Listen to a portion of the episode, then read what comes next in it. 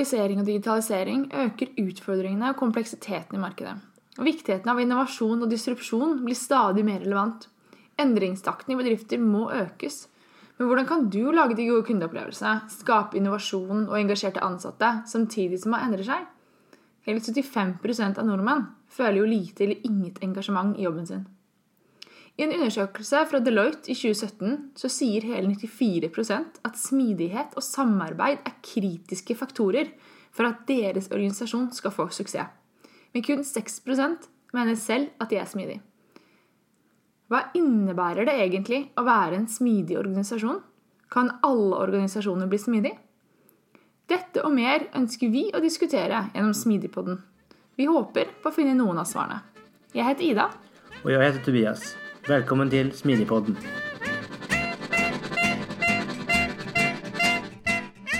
Hei. Velkommen til episode 15, blir det vel? Det blir det. Av Smidigpodden. Ja. I dag er en veldig spennende dag, for vi har enda en gjest. Karsten Eskelund er her for å snakke med oss. Veldig spennende. Vi skal snakke om eh, sourcing av tjenester i en smidig verden, kan man si det? Det kan man si. Ja.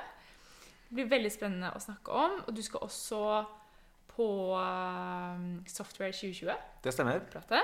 skal vi høre litt mer om etterpå. Mm. Mm, ja, skal vi hoppe rett i det? Det tenker jeg at Ja. han skal få presentere seg selv, kanskje. Er det en god start? Det er en god start. Bra. Først av alt så må jeg si tusen takk for å få være her.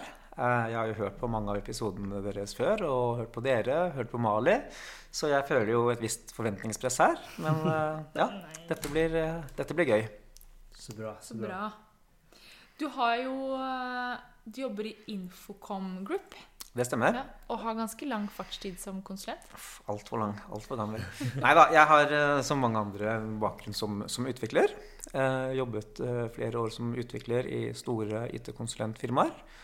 Begynte som scrum-master rundt 2008-2009. Det var jo før liksom, man begynte å snakke om veldig mye om DevOps og Safe og sånne ting. Eh, Jeg ledet bl.a. et eh, forvaltningsteam hvor vi brukte smidig metode. Eh, Og vi drev da med både utvikling og forvaltning. Så jeg sier at vi jobbet med DevOps før man jobbet med DevOps. eh, Som jeg syns er litt kult.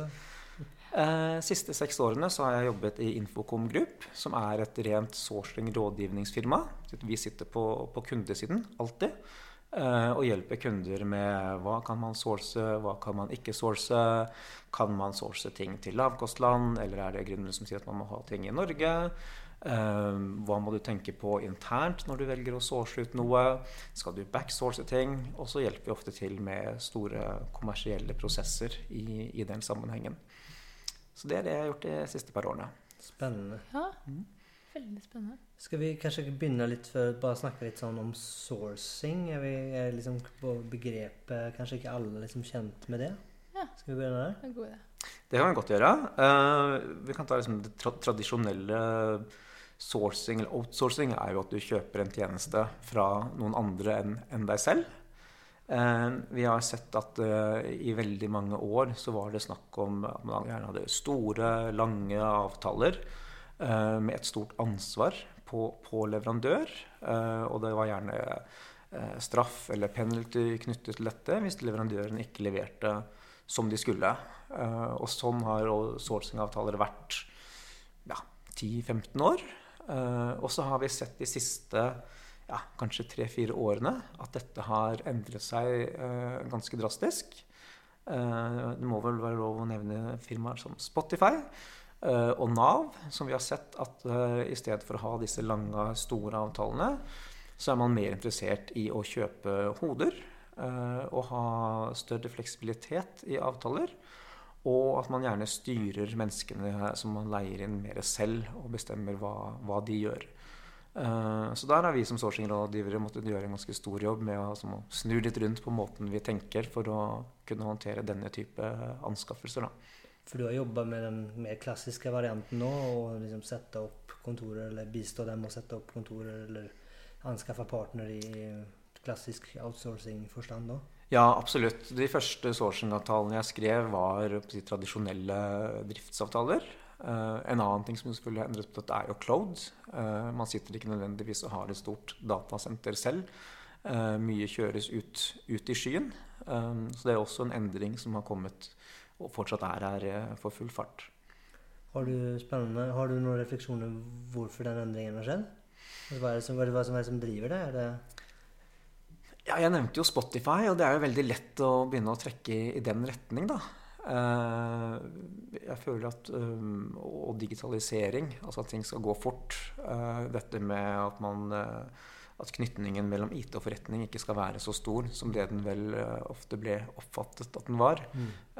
Når jeg begynte å kode ja, forrige årtusen, holdt jeg på å si, så var jo liksom IT-avdelingen den som satt borti en krok, og IT-driftsavdelingen de satt gjerne et par etasjer lenger ned. Uh, og forretningen ante jo ikke hva IT drev på med. IT var en kostnadselement. Mm. sånn er det jo ikke i dag. IT er jo nå en, noe man bruker for å utvikle forretningen. Mm. Og som sagt, dette her med liksom, den Spotify-modellen har jo helt klart endret på hvordan man tenker, tenker sourcing. Uh, selv om uh, Ida begynner som agil coach i, i, DNB og har fått ny jobb der, så betyr jo ikke det at eh, DNB slutter å kjøpe, kjøpe eksterne tjenester. men man gjør det kanskje på en litt, litt annen måte enn det man gjorde før. Mm. Ja, for jeg har vært veldig borte i min egen karriere i disse tingene òg. Jeg kjenner jo veldig igjen meg i den endringen.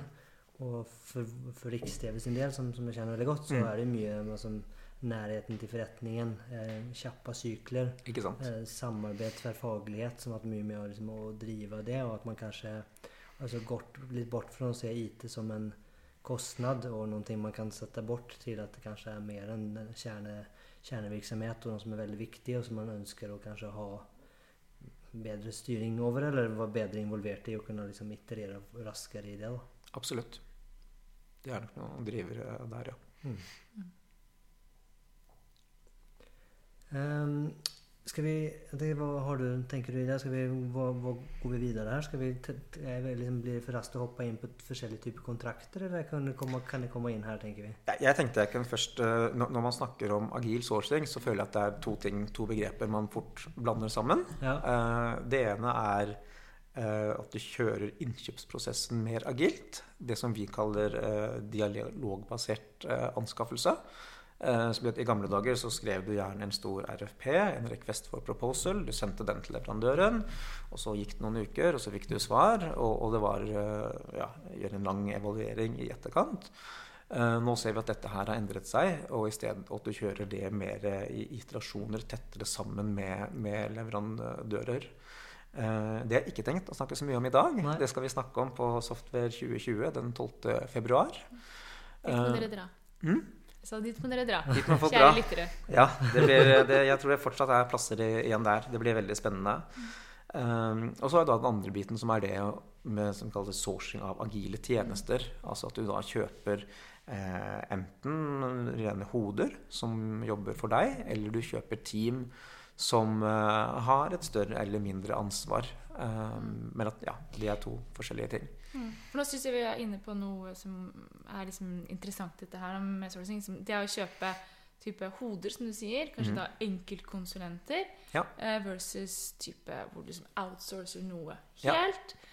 Eller du kjøper kanskje type altså, kjøper et prosjektteam i gåseøynene, kan man si det sånn? Mm.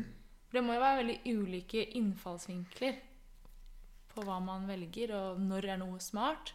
Ikke sant? Uh, og, og, jeg har lagd en firkant som jeg er sikker på vi kan legge ut på Instagram eller på Facebook-siden etter hvert. Uh, det, det er ikke mitt magic kvadrant, men, men, det er en lite forsøk på å si, kategorisere dette. Uh, og jeg prøver først å kategorisere mellom hva er det du kjøper. Mm. Kjøper du et prosjekt, eller kjøper du en kontinuerlig leveranse? Uh, og dere kommer med spørsmål at det er, er, det naturlig å tenke prosjekt når du jobber i en smidig verden hvor du ønsker om kontinuerlig forbedring.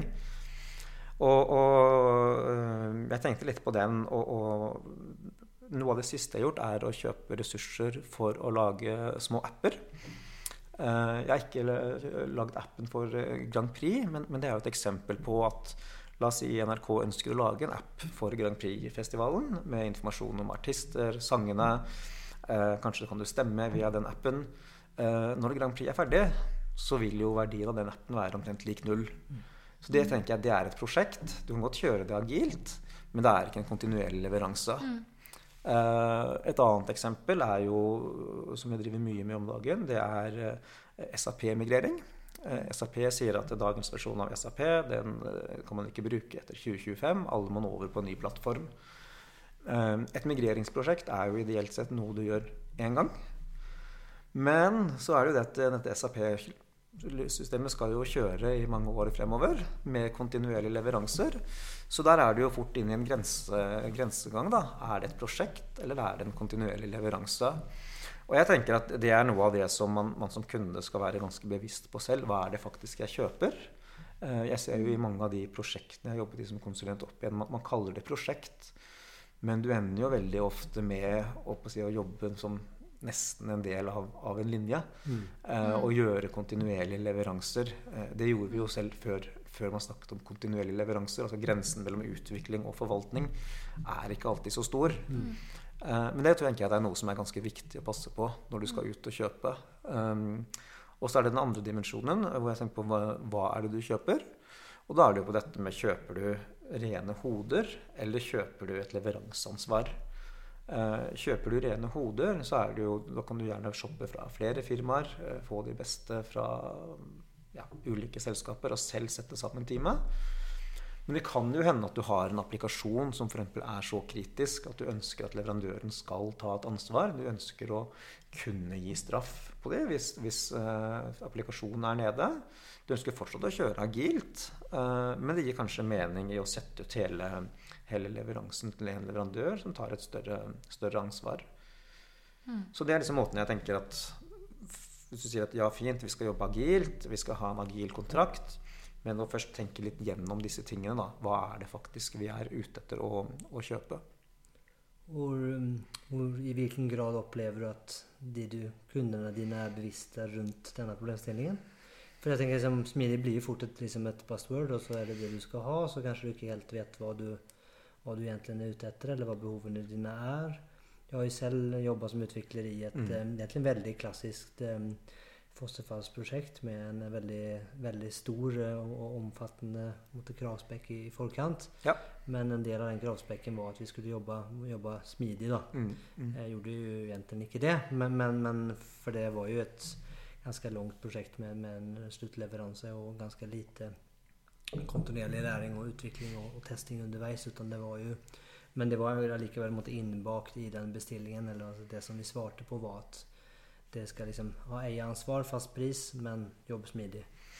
Um, som, som i min verden er liksom litt motsigelsesfullt. da. Ja. Ja, nei, du, du, du rører jo midt i kjernen ved, ved utfordringen her. Eh, som sier, ja, Kjøper du ressurser, eller kjøper du et ansvar? Eh, og mange ønsker jo kanskje å kjøpe ressurser som har et ansvar. Eh, men det går jo ikke helt hvis du skal sitte og være en product owner og kanskje en scrum master og kunne ha alle rettigheter til å omprioritere til, en, til, enhver, til enhver tid. Eh, så jeg, jeg, jeg, skal ikke si at markedet ikke er modent. Det er nok definitivt de som er veldig klare på om de kjøper ressurser eller om de kjøper ansvar. Men, men jeg tror nok fortsatt det er eh, det gjenstår en del, en del der. Mm. og det at, at avtalen vil være forskjellig. Eh, kjø- kjøper du bare hoder, så ja, du vil typisk betale time for time for disse menneskene. Eh, kjøper du et leveranseansvar, eh, kanskje vil du ha en fast pris fra leverandøren. Og jeg er jo også opptatt av at én ting er ressursen du kjøper, men du kan også inn i kontrakten din vil du ha noe mer fra leverandøren. Altså De fleste leverandører kommer med metoder og sånne ting. Eh, I en klassisk ansvarskontrakt så vil jo det være noe som selvfølgelig ligger inne i avtalen. Eh, kanskje ikke like selvfølgelig, i hvert fall ikke hvis du kjøper hoder. Men jeg vil jo definitivt eh, være ganske påpasselig på at kjøper du et helt team fra en leverandør, så ønsker jeg jo å få med det gode som leverandøren kan, kan ha med, med, med metoder. De er gjerne Center of Excellence osv. Hvordan kan du som kunde utnytte det, selv om du jobber smidig? Jeg ser ikke noe motstrid der, da. Mm. Ja, for det, det som, som jeg tenker litt på, er jo at um, mye med, med smidig er jo egentlig å få lov å teste ting og få lov å feile. da. Og hvis du har et uh, kontrakt som gir deg på en måte penalties eller straffer deg, så, så kan jo det være med å kanskje hemme den uh, hva si, det å faktisk teste ut nye ting og utvikle og lære seg. da. Ja. Uh, så det kanskje man må være litt sånn bevisst på litt på hva du Du får jo litt det du, det du bestiller, på en måte.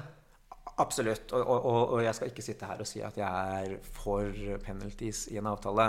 Definitivt ikke. Eh, og, i hvert fall ikke i en sånn smidig, smidig avtale. Jeg tror nok ikke det er rette veien å gå. Eh, det jeg jo har sett, eh, er jo at leverandører lover mer enn de kan holde når det gjelder hvor fort de kan få på ressurser, hvor gode disse ressursene er osv. Uh, og her tenker jeg at her går det an å tenke litt uh, så, som, som, en kunde. Uh, skal du ha en penalty hvis de har lovet å komme med en ressurs innen tre uker, og vedkommende ikke kommer? Mm. det er jo definitivt et avtalebrudd. Mm. eller skal du finne andre måter å kunne altså, du, du, bør som en kunde få en kompensasjon for ikke å få det du har bestilt. Mm. Eh, det behøver ikke å være kroner og øre, men kanskje skal personen jobbe gratis en stund for å kompensere for at den kom for sent. Kanskje skal du få inn x antall timer med innovasjon som du kan bruke gratis. Eh, sånne type ting vil jeg definitivt eh, tenke på. Eh, I hvert fall hvis du liksom kjøper store volumer fra et stort, eh, stort selskap, så, så, er det jo eh, ja, så ønsker jeg å få noe mer igjen enn å bare få de enkelte CV-ene. da. Mm. Det vil jeg definitivt. Mm. For det tenker jeg er um, En ting som jeg tenker er krevende, da, for når jeg var uh, jobbet som IT-konsulent, da svarte vi på RFP-er og sånn. Mm. Tydeligvis da veldig ja. lenge siden. det var ikke så lenge siden, faktisk. Dessverre. Men, um, og da var det veldig sånn når du skrev disse store tilbudene, ikke sant, så mm. er det jo veldig, kommer det veldig tydelig fram hva du som konsulenthus kan tilby kunden. Ja. Men hvis man ikke kjører den type prosesser, hvordan kan da kunden uh, vite liksom, hva konsulentene har å tilby? Hva slags uh, prosess er det du anbefaler? Liksom? Nei, du, du, vil jo fortsatt kjøre en prosess. Mm. Uh, du vil jo ikke si, gå ut på åpne marked og mm. bare kjøpe CV-er nødvendigvis. jeg opplever jo at når du kjøper ressurser, så er det jo, det er jo menneskene som teller. Mm. Uh, og, og, dette Vi snakket jo litt til om det med å sette sammen team. Det er jo en interessant, interessant øvelse. Eh, hva er det faktisk du trenger? Eh, trenger du de fem som er eksperter? trenger du de to som er eksperter, som tar med seg de tre som er juniorer? trenger du de menneskene som er veldig flinke på en bestemt type teknologi? Eller trenger du de som er unge og motiverte, og som kan lære seg ja, hva det mm. måtte være. Uh, I noen prosesser så har vi kjørt type hackathon. Hvor vi har liksom sagt at uh, istedenfor å svare på masse RFP og masse bilag og sånne ting, kom med teamet. Vis oss de menneskene som dere har tenkt at skal jobbe for oss. Uh, gir de en oppgave. Sitter f.eks. en dag. Uh, ganske intenst. Ganske mm. slitsomt. Ja. og konsulentene sier også det at det er Ja, de sitter jo på, litt på, på utstilling. Ja, det er litt sånn audition? En audition. Mm. Uh, men, men, det er jeg, uh, Tilbakemeldingen vi har fått, er jo også at de syns det er spennende. Ja. Uh, og også på å si, key account og selgere syns jo dette er en interessant måte å, å jobbe på. Og, og, det er jo litt sånn det er å være som konsulent. da. Mm. Du er ute hos en kunde. Du er på audition hver eneste dag. så jeg, jeg, har litt tro på det. Å ja, komme under huden på menneskene mer enn å få disse 100 sidene om hva selskapet kan og, og sånne mm. ting. Mm. Og det er egentlig veldig spennende, for jeg tenker om, om alternativet er å sitte og skrive noe ja. prosatekst side opp og side ned, så er det jo her liksom mye mer knytta til virkeligheten. Og du får jo se mm. kanskje at det har et team som faktisk fungerer og kan levere. Ja. og hvordan du løser problemer. Løser problemet. Så det er jo veldig spennende. For jeg har aldri, aldri verken hørt eller tenkt på før. Så det er liksom litt interessant eh, variant. Ja, for jeg har jo hørt om Det er veldig vanlig å intervjue konsulentene for å se om de passer til teamet. Ikke sant? Eh, så det blir jo, ja. Men har dere da på disse hackathonene Da kommer liksom hele teamet? Men det er ikke sånn at den ene teamet skal konkurrere med det andre teamet? sånn som det er på et hackathon, liksom? Eh, jo, man gjør jo gjerne det. Du har, altså, for første, så forskjellige konsulentselskaper konkurrerer mot hverandre Du investerer samtidig? Eksempel, tre, ikke samtidig. Nei. Du vil kjøre vi, det, det, krever jo litt fra kunden sin side også. Da. Ja. Eh, vi må jo gjerne ha vår på å si, product owner og de som skal jobbe sammen med dem Uh, hvis vi skal ha personer inn, inn i teamet, så ja. må jo de også være med på hackathon. Ikke sant? Uh, og så er det jo det er ikke, kanskje ikke alltid fair å kreve La oss si du skal ha et team på åtte-ni mennesker. Da. Så kan du kanskje ikke kreve at leverandøren stiller med åtte-ni personer. Men la oss si at de har uh, den som skal være Scrum Master, ville jeg definitivt hatt med. Hvis leverandøren skal ha en arkitekt, den personen ville jeg hatt med. Og så kanskje en utvikler eller to. da. Uh, og nei, du får ikke testet hele teamet, men du får definitivt testet dynamikken. Mm. Uh, får du jo sett, uh, Ja. sett en del på. Og bruke intervjuer, ja, definitivt. Ja. Men har du liksom, har du se, er, det liksom, er det stor forskjell? Har du sett liksom at det er at de teamene virkelig liksom leverer forskjellig, eller er liksom, um, sitter, sitt man Er det liksom, hva skal jeg prøve å formulere meg om, er det liksom Hjelper det deg godt å ta besluttet etterpå? Er liksom, sitter du igjen med at her er det liksom en, et tydelig svar, eller har du bare blitt litt klokere? Eller tenker hvor, Hva er det man snakker om? Det elevator pitch. Altså det er jo De første fem sekundene sier jo veldig mye om en person. mm. Eh, sitter, du, sitter du noen timer eller sitter du en dag, så eh, Du blir i hvert fall vesentlig bedre kjent med personen enn det du gjør ved å lese 50 CV-er. Mm. Mm. Det er vel ja, Mm. kanskje litt flåsete svar, men, men, men eh, Og ja, du ser jo forskjeller i hvordan, eh, hvordan man løser oppgaver. Mm. Eh, og så er det jo vanskelig å vite om er det disse individene eller er det det selskapet Mm. som er forskjellig. Det, det vil jo være vanskelig å vite. Men nå er det jo da eh, ja, Jeg er mindre opptatt av selskap enn jeg er av, av eh, team og individer. Mm. Så ja, jeg mener definitivt at man, man eh, ser eh, en del. Eh, de gangene vi har gjort det, så har vi, vi har sagt at dere får en oppgave innen omtrent sånn og sånn, eh, men ikke kommet med oppgaven på, på forkant. Eh, og du ser jo da hvem som er forberedt, hvem som ikke er forberedt. Eh, vet du at du skal løse et case i SAP, så ja, sørg i hvert fall for at du har liksom innlogging i SAP, at du har ditt eh, miljø opp og kjører. Mm. Eh, så det, det ser man jo, og da ser man jo litt hvor, hvor ivrig er du på å vinne et prosjekt. Det er jo en annen um, interessant faktor med det, synes jeg også, sånn sett fra et sånn smidig kulturperspektiv, er jo det at, som du sa, du ser litt mer personene. Mm. Eh, og det syns jeg er fantastisk at man fokuserer litt mer på personene og ikke ressursene. Som man gjerne sier, da, og heller velger et team med omhu basert på de individene Individuelle eh, kap, Hva kan man kalle det? Kompetansene, liksom. Mm. Og personlighetstrekkene man har. da. Absolutt. Det er jo kjempepositivt at man begynner å bevege seg litt mer i den verden også. Ja, jeg, jeg tror at her, her har vi bare sett en begynnelse. Uh, og jeg tror at det, dette kommer til å bli mer og mer. Altså, som sier du uh, ja, Jeg liker heller ikke ordet ressurs. Jeg liker ikke å bli omtalt som en ressurs. Jeg liker ikke å kjøpe ressurser. Jeg tror ingen liker det. Man gjør ikke det. Du ønsker å være en person. Ja. Og, og uh, her har ikke markedet kommet veldig langt ennå, men jeg ser jo for meg etter hvert at kanskje har du en prismodell hvor du kjøper et team. Mm. Eh, du kjøper Vi snakker om en timebox-modell. Hva er kjøper, en timebox-modell? eh, du kjøper et- med et visst antall timer Mm. per måned. Mm. Eh, og så gir du litt sånn blaffen i, i om det er en seniorkonsulent eller juniorkonsulent eller manager som fyller Mm. dette her. Det får være litt opp til leverandøren hvordan de setter sammen dette teamet. Det krever litt mer tillit Mm. til, til, til leverandøren du, du jobber med. Men, men jeg, jeg tror nok at vi kommer til å se sånne modeller etter hvert Mm. for å bli litt, litt vekk fra dette her, eh, time for time-greiene. Mm. Uh, med en timebox-modell så, så bruker vi også dette agile prinsippet med at uh, en um, product må, må prioritere. Uh, ved at du vet at du har x antall timer fra dette teamet ditt i en måned. Eh, du kan ikke ønske deg mer og mer og få inn flere og flere ressurser. Eh, Mm. Selvfølgelig vil leverandøren vil alltid kunne gi deg flere ressurser. Men, men det er jo ikke sånn det er ikke sånn en eh, agil team er tenkt å, å fungere. For det er veldig spennende. for det har tenkt litt lite på det at det er jo en konsulent så er det jo vanlig att ha time for time. Mm.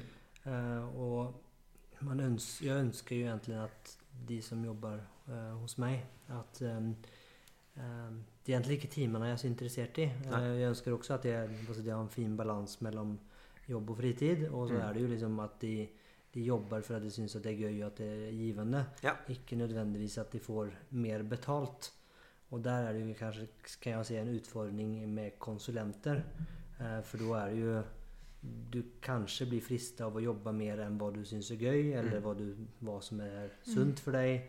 Eller altså, du har en, en annen driver da, som, Ja. som, er, som, Mm. som er, kanskje vanskelig å komme unna. Da. Ja. Og der er jo disse modellene kunne vært interessant, for det kunne eventuelt eventuellt ha löst litt bort i de problemstillingene. For om du gjør det du skal gjøre på seks timer, så er ikke jeg noe behov at du sitter på jobbet i åtte. Nei. Men det er kanskje fint at du kan sitte der i ti når det trengs. At det liksom, du har kanskje en mer Mm. eh, fleksibel tilnærming. At du, liksom, det er oppgaven og det som teamet skal løse, som er i sentrum, og ikke måtte, din lønn og faktureringsgrad og de type tingene som fort kan bli en driver. da. Jeg, jeg, jeg har sett eh, en kontraktsmodell som går på det at du betaler per storypoint, eh, ikke per time. Uh, og da er jo kan du estimere en oppgave i storypoint basert på kompleksiteten på oppgaven. Uh, så du betaler mer for en kompleks oppgave enn du betaler for en enkel oppgave. Og det gir jo mening. Og at da er det også at leverandøren tar et visst ansvar da, for at du får løst denne komplekse oppgaven med som er ja, simpel, medium eller kompleks innenfor en gitt, gitt tid. Eh, bruker de mer tid, så får de ikke mer betalt fordi du har betalt for eh, ja, disse storypoint-biten. Det blir jo som en slags ja, jeg tenker en, en fastpris på eh, enkle, enkelte use case. Da. Mm. Eh, jeg skal ærlig innrømme at jeg har ikke brukt modellen selv. Og, og ja, jeg, jeg tror vi bare er så vidt inne i dette her med agile kontrakter og, og den biten der. Og at det kommer til å utvikle seg videre. For det er jo to åp altså det er egentlig to utfordringer da, med en sånn modell. Det var litt det vi snakket om tidligere, Tobias. Det er dette med at du overestimerer, da. Ja. Eh, så du får få mer penger, på en måte. Mm. Eh, men annet, et annet problem med det er jo at du må kjøre scrum. Mm, Du blir jo tvunget inn i noe, da. Da Ja, har du, valgt jo- noe på ja, forhånd. Ja, du må i hvert fall estimere noe. Ja, du må, ja, men, hvis- ja, ja, du Ja. kan, men hvordan skal du estimere hvis du estimerer, bruker Kanban, liksom? Du kan godt estimere story points der òg. Kan du det? Ja. Ja. folkens, da kan dere gjøre det. Ja. Men, men ja, så det er klart det krever jo igjen tillit, da, som er, som er jo for så vidt et veldig viktig prinsipp i, i smidige her. Ja. Så er det jo For det er jo, kan jo være lokkende at man liksom over tid Mm. ikke kanskje pusher opp, men snarere pusher ned. At du liksom, ja, alt, allting blir komplekst og vanskelig, for du vet at det er der du tjener pengene. Så det gjelder jo at du har et tillitsforhold, og at du har liksom en, en seriøs leverandør her. da. Mm. Nei, og, og det øh, Man har jo hva er det, fire agile verdier. Mm. Eh, og som innkjøper så stiller jeg jo alltid det spørsmålet om um, Den er vel customer collaboration over contract negotiation. Hva betyr egentlig det for deg, kjære, Mm. kjære leverandør? Også dette her med respond to change. Heter ikke akkurat Mm. det, men, men eh, altså, for meg så er det eh, de to verdiene som har en veldig stor kommersiell eh, effekt. da. Mm. Eh, Spesielt dette her med du, du sier at du driver agilt, men så kjører du change order hver gang det kommer en endring. Da er du ikke veldig agil som leverandør. Eh, Da, da fungerer ikke dette prinsippet med customer collaboration. Så det driver jeg og prøver å bore ganske mye i i Mm. disse her eh, prosessene før, før, jeg velger en, eh, en leverandør. Mm. Eh, Spennende. Mm. Ja, for det er jo ofte, i hvert fall klassisk klassisk for min gamle tid som utvikler, så var det jo ofte at du bevisst underpriser deg på Mm. fast pris, og så tok du igjen pengene på change orders etterpå. Eh, og da, da får du det du Ja, ja. eh, bestiller, på en måte. Nei, og, og, og altså jeg sier jo ikke at det er lett kommersielt med agilt. Og altså, agil er jo ikke Det gjør jo ikke all prosjektutvikling enklere. Det Nei. gjør jo at du må, du må jo følge opp like mye, du, eller du følger jo opp mer. Mm. Du står jo hver eneste dag. Hva skjedde i går? Hvilke problemer har jeg? Uh, og jeg, jeg er jo absolutt for bruk av alle disse smidige verktøyene. Ja, for jeg pleier å si det samme, vi gjør ikke det her for at det er lett, vi gjør Nei. for at vi har tro på at det gir bedre resultater. Ja. Eh, det, er ikke, det er ikke den lette veien. Det er som du sier, mange må det kanskje til og med, til og med vanskeligere, men, men at man, man har tro på at det måtte vært det. da. Absolutt. Og, og, og, og ja, å inngå en smidig avtale Jeg sier ikke at det er en enklere avtaleform. Eh, men eh, ja, vi ser jo veldig at det er det, det, er det markedet vil. Mm. Og jeg, jeg, har jo, jeg har jo tro på det. Jeg må jo ærlig, ærlig si det. Altså, ja. Og det er jo helt åpenbart også et behov for å tenke annerledes om bruk av konsulenter og type kontrakter, avtaler. Mm. Ja. Kjedelig statement, men altså, ver- ver- verden går fortere fremover. Mm. Eh, Mm. det å svare, svare på raske endringer, det, man kommer ikke unna det. Mm. Eh, og der, der tror jeg at en del av disse smidige prinsippene definitivt har, Mm. har noe for seg. Mm. Tiden, eh, tiden løper ifra oss. Hva tenker du? Har, vi, har du noe du ønsker vi skal komme innom før vi, før vi begynner å runde av? Nei, jeg syns dette har vært en uh, interessant diskusjon. Og jeg, vil jo oppfordre alle som uh, lytter, både til å komme på workshop 12.2. og til å sende inn spørsmål. Uh, jeg syns dette er et område som definitivt kommer til å utvikle seg. Og jeg er veldig interessert i hva, hva, hva slags erfaringer har folk her ute. Eh, og kunne diskutere mer, mer om dette. Enten i en ny versjon av en podkast, eller over en øl, eller hva som måtte passe. Helt enig. Har du noen spørsmål på tampen i dag? Nei, jeg har ikke det. Nei? Det eneste spørsmålet her er hvis noen vil kontakte deg. Ja, Er det mulighet for det? det er bare å gjøre. Mm. Eh, jeg er på LinkedIn og ja, alle disse normale sosiale medier, så det er bare å ta kontakt. Vi legger til noen lenker i eh, Vi gjør det. hva heter det? notatene. Det? Notater. Ja, Mm. så det fins der. Mm. Supert. Tenker jeg vi, vi takker for, eh, for at du ville komme hit. Bra. Det er jo faktisk fredag kveld. Det er jo Imponerende. imponerende. Av oss alle tre, tenker jeg. Det må være lov å si. Litt selvskryt må være lov på en fredag, fredag kveld. Det må være lov. Ja. Eh, så at, eh, yes, som vanlig så setter vi pris på at dere har lytta. Eller kanskje er det noen kollega eller noen som du tenker kunne ha glede av å høre litt mer om det vi har snakket om i dag. Litt om kontrakt og litt forskjellige måter å tenke på med, med sourcing. Så eh, send gjerne podden, eller send det på, eh, på konferanse. Det er på workshop. Kan, være, kan være fint. Mm. Så som vanlig så også har dere noen innspill, spørsmål, kommentarer, noen som dere ønsker skal komme til podden. Så setter vi pris på det. Og da er det jo som, som alltid så er det alle mulige sosiale medier, og da er det Smidigpodden både her og der. Så, um, så send oss en PM eller uh, hva dere ønsker. Mail går fint også. Yes. Så med det så tenker vi si takk for oss. Så ha det. Ha det.